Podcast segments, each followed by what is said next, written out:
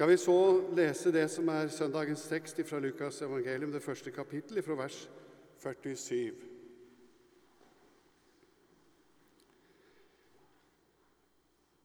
Da sa Maria, min sjel opphøyer Herren, og min ånd fryder seg i Gud, min frelser.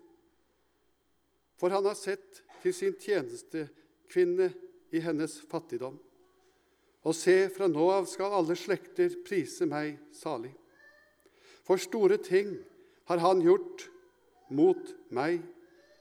Han, den mektige, hellig er hans navn. Fra slekt til slekt varer hans miskunn over dem som frykter ham. Han gjorde storverk med sin sterke arm. Han spredte dem som har hovmodstanker i hjertet. Han støtte herskere ned fra tronen og løftet opp de lave. Han mettet de sultne med gode gaver, men sendte de rike tomhendt fra seg. Han tok seg av Israel, sin tjener, og husket på sin miskunn, slik han lovet våre fedre, Abraham og hans ett, til evig tid. Herre, dette var ditt ord til oss i dag. Ditt ord er sannhet.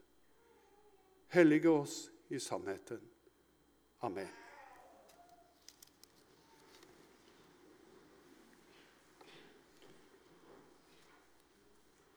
Maria stilte sin kropp til disposisjon for Gud. Slik skal også vi få stille våre legemer til tjeneste for Ham. Jeg tror at enhver som bærer frem barnet som er unnfanget, gjør en guddommelig tjeneste. For det er Gud, og kun Gud, som kan skape menneskeliv. I dag så er det altfor mange som ikke vil bære fram sine barn. I Norge ble det i 2017 tatt 13 169 aborter i vårt land. Det er det laveste tallet som har vært på lenge, riktignok, men det er altfor Det er veldig høyt allikevel. Jeg skulle ønske at vi alle kunne lære mer av den unge Maria.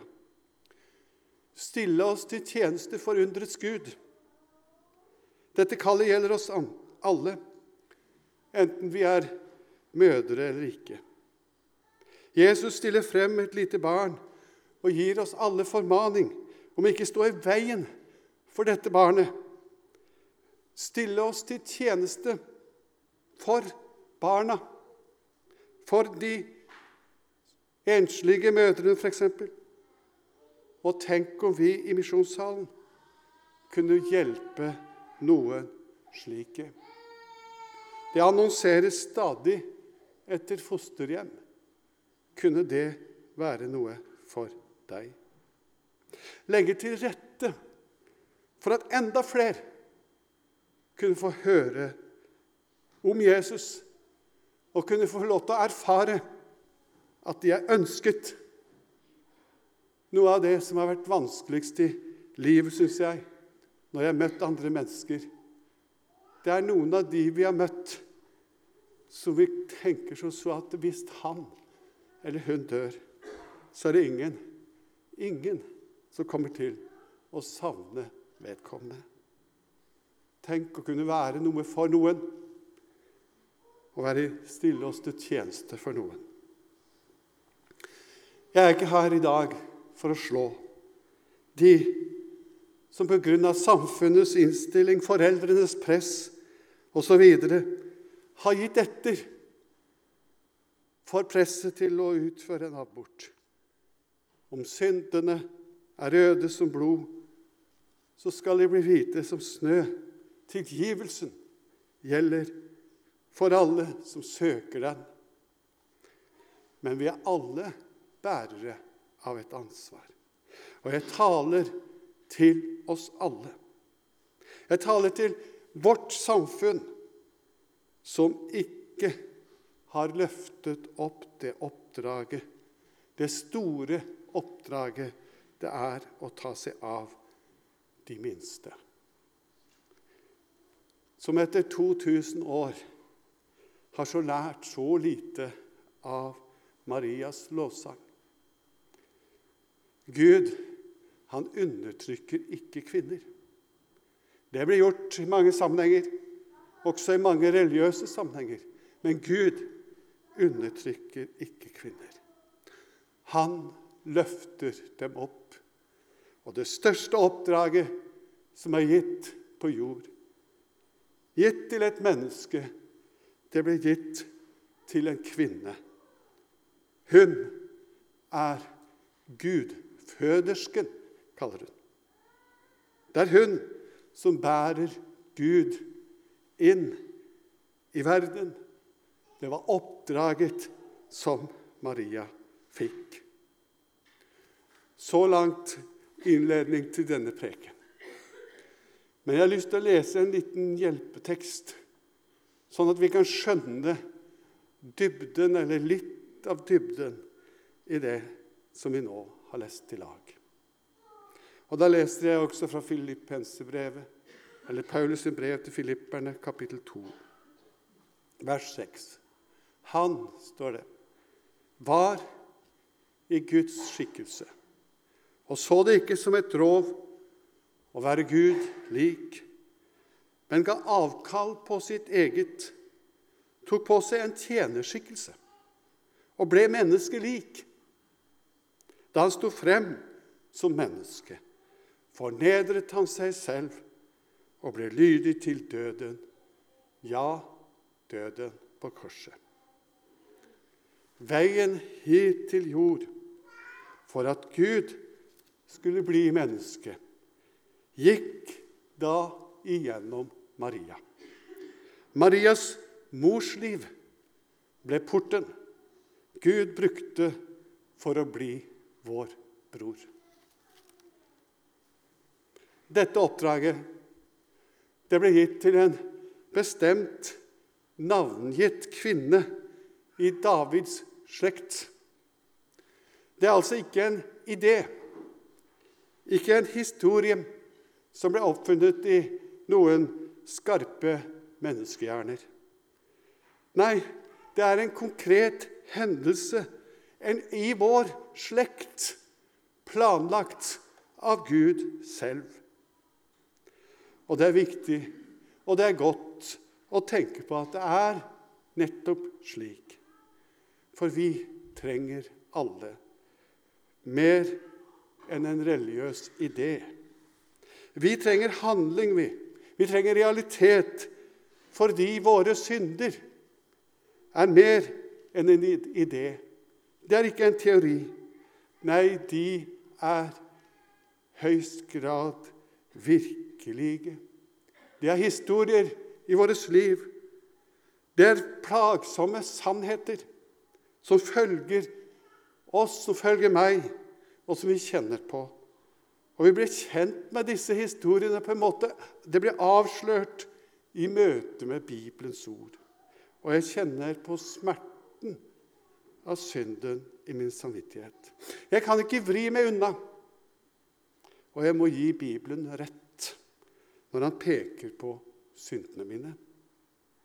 Vi har alle vendt oss bort fra Gud. Vi er alle på ville veier. Finner ikke frem, finner ikke hjem. Vi finner ikke til Gud. Dette er et universelt problem. Alle mennesker har dette. Men det er mer enn det. Det er blitt og er faktisk vårt personlige problem. Men Gud fant frem til oss mennesker. Ikke bare menneskeheten, men han søker hver enkelt en av oss. Han ønsker å ha et personlig forhold til deg. Ja, det står at han forlot de 99 for å finne den ene som har kommet bort. Han ønsker å ha et personlig forhold til meg og til deg. Gud ble menneske. Gud kom til jord. Og porten var altså Marias mors liv. Han tok en tjeners skikkelse på seg. Han kom for å bære våre synder opp på Golgata kors. Han kom ikke for å la seg tjene, men for selv å tjene. For selv å bli en tjener for oss. Gud sendte ikke sin sønn til verden for å dømme verden, men for å frelse. Han frelste oss på den måten at han selv tok en tjeners skikkelse på seg. Altså Han ble et menneske, var lydig, var lydig helt inn til korsets død. Han sonet der våre synder. Han tok der vår plass. Dette viser oss Guds uendelige kjærlighet til oss mennesker. Og her finnes det faktisk ingen begrensning. Ingen som er glemt eller utelatt. Gud elsker ethvert menneske på denne klode, hver og en. Han ble sendt, og han er da stedfortrederen. Tygg på det ordet. Jesus, han ble prøvd i alle ting dog uten synd. Han levde et stedfortredende liv. Han var etisk sett fullkommen Jesus. Hans liv regnes som mitt liv innenfor Gud og den som er i ham, regnes som fullkommen, hellig og ren. Så jeg, som kjenner på synden i mitt liv, som kjenner på angsten i mitt liv, kjenner på mange vonde historier i mitt liv. Jeg får komme til Kristus, og så får jeg tenke og tro at innenfor Gud så er det hans liv. Det etisk hellige, rene, fullkomne liv som gjelder i mitt sted. Det er redningen. Kanskje noen tenker at vi blir bedre med årene. Jeg har vært kristen i hele mitt liv nesten. Jeg, jeg, jeg bøyde mine kne da jeg var 16 år. Og det er snart 50 år siden. En gammel mann. Men jeg har på en måte oppdaget at det har ikke skjedd den store endringen i mitt hjerte. Dypest sett så er jeg fortsatt en synder. Fortsatt så må jeg si, som vi sa i begynnelsen av dette møtet, at jeg kjenner en åndelyst i mitt hjerte. Fortsatt er det sannheten om meg. Men så har jeg fått lov til å ta til meg et budskap fra Bibelen. Jeg har en som har tatt min plass innenfor Gud. Og i Han så er jeg fullkommen, ren og rettferdig. Slik er det for den som tror på Jesus og eier hans rettferdighet. Det er det som skjer. Altså, han har levd et stedfortredende liv.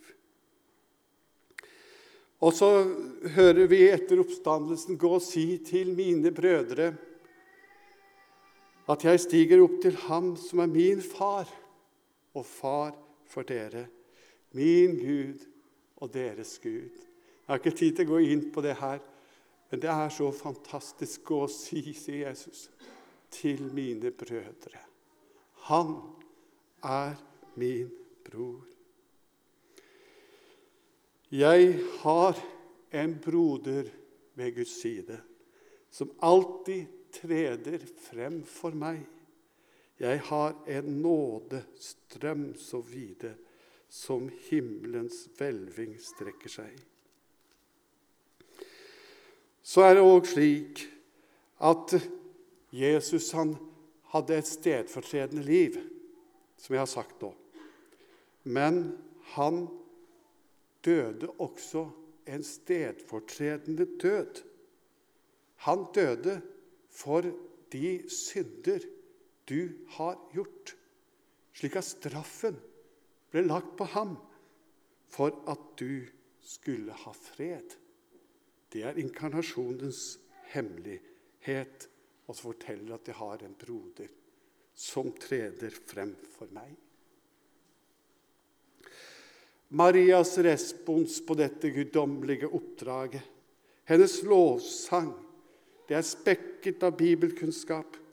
Denne unge jenta levde i tekster fra Det gamle testamentet. Marias lovsang sier noe om Gud, om hennes frelser. Og Noen eh, tenker kanskje at eh, Maria er en som formidler Guds nåde. Og i store deler av verden så tilber de derfor Maria. Dette er jo feil. Hun er selv en som mottar Guds nåde. Har satt, han har sett til sin tjenestekvinne i hennes fattigdom, sier hun i denne teksten. Store ting har Gud gjort imot meg. Hun måtte stille sin, sitt liv til tjeneste for vår Gud. Hun er et stort forbilde. Ja, det er hun. Men hun er ikke en som vi skal tilbe, slik som vi hører om rundt omkring i verden. Hun bar altså Jesus under sitt hjerte, og vi skal òg få lov til å bære Jesus i våre hjerter. Det er en eh, I forberedelsen av denne talen her så har jeg lest forskjellige prekener om den. Og så kom jeg over i en tale, og jeg er nødt til å si litt fordi at noe av det som jeg skal si i slutten av dette, har jeg høstet ut av den talen. Og den kommer faktisk fra Asle Dingstad. Han arbeider i den, er, er i den nordiske katolske kirke og har skrevet en tale over dette. Og Hvis dere kommer hjem og har lyst til å gå litt dypere inn så kan dere ta og lese den talen. Den var egentlig veldig god. Og han eh, tar fram dette som jeg syns var så godt et bilde. Han sier at Maria er forsangeren i den kristne lovsang, sier han. Hun gir oss tonen og innholdet, og fremfor alt så gir hun, eller viser hun, oss den rette holdningen da hun stiller seg frem som tjenerinne for Herren. Sin kropp, sitt liv, stiller hun til tjeneste for Gud. Min sjel opphøyer Herren. Min ånd fryder seg i Gud, min frelser, for han har sett til sin ringe tjenerinne. Og så peker han på tre ting. Jeg skal bare nevne stikkordsform det. Han sier hun er Guds mor. Gudfødersken.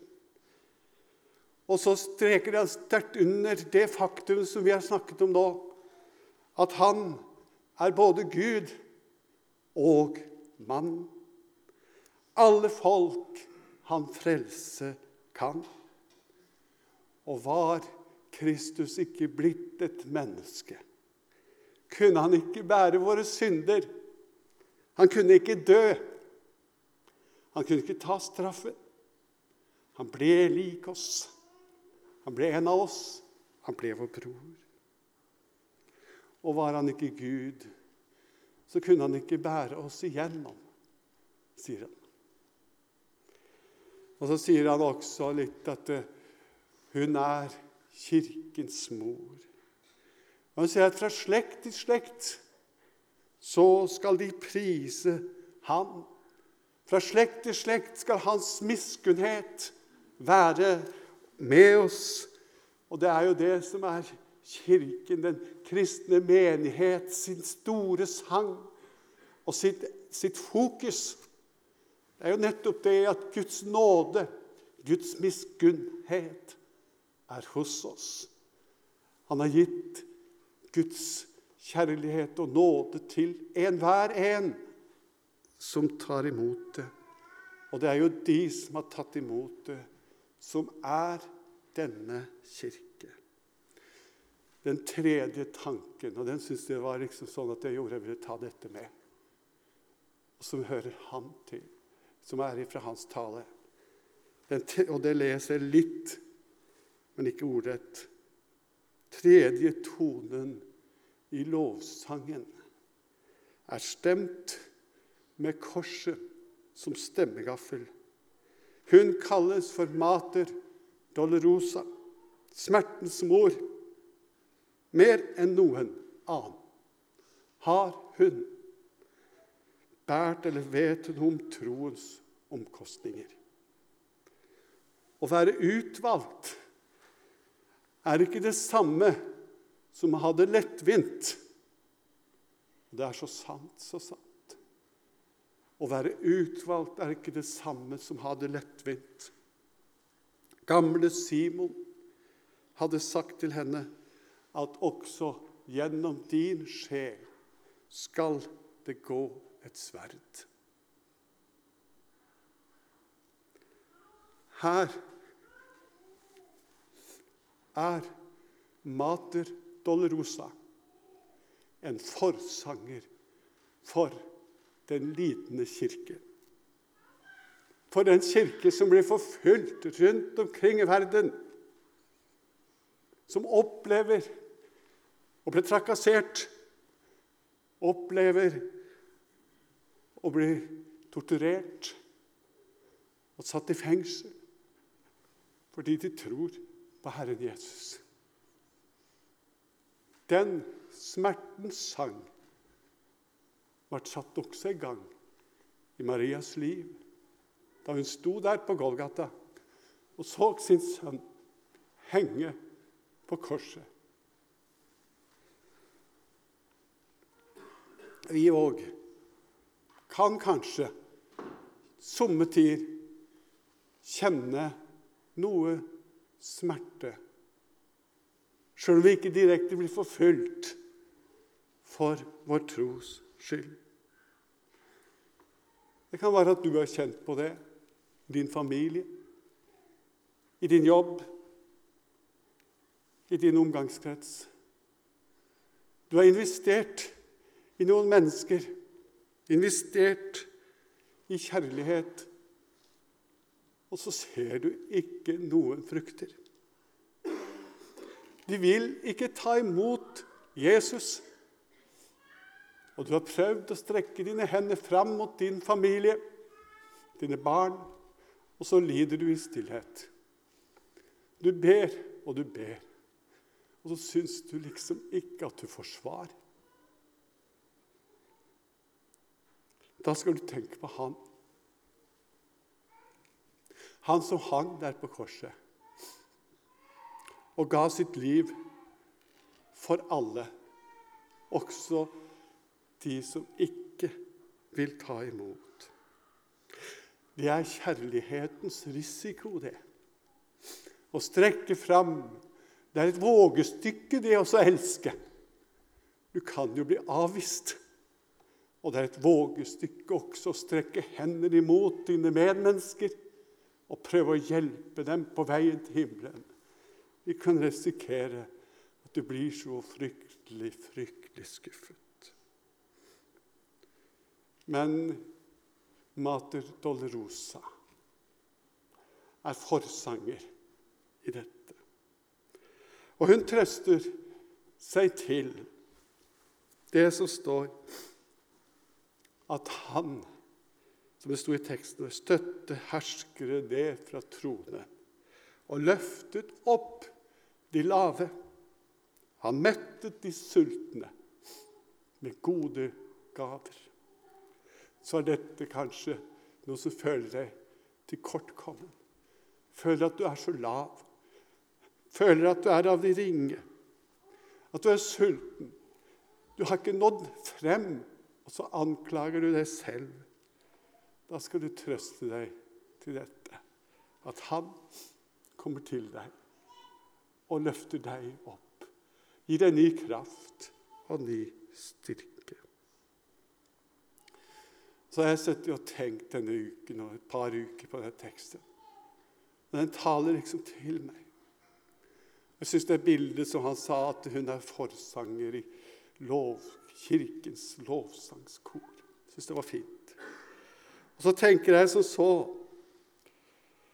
at han ser til en ringe. Og lovsangene fortsetter gjennom hele, hele kirken. Og lovsangen, den skal aldri ta slutt. Og en gang skal den munne ut i et kor så stort og så mektig at ingen har klart å telle alle som er med i det koret. Og da skal lovsangens lyd være nettopp til ære for Han som ble menneske, som kom her til jord og fornedret seg selv og gikk denne veien for å frelse oss. Den himmelske lovsang har rikere toner, mer liflig og sølvren en klang, En all jordisk musikk, skjønt vårt hjerte seg fryder når skogen og dalen gjenlyder av sang. Og herlige lovsang i Guds paradis, når himmelens herskarer i stemmer hans pris. Der oppe er sangen lik vannenes brusen, og himmelen er full av dens lyd. De salige ånder sin Herre lovpriser. De jubler av glede og synger av fryd. Kun de kan den himmelske lovsang i stemme, hvis sjel har fått nåde hos Gud ved troen på Jesus, sin Herre og Frelser. Kun disse skal se ham og kalles hans brud. Amen.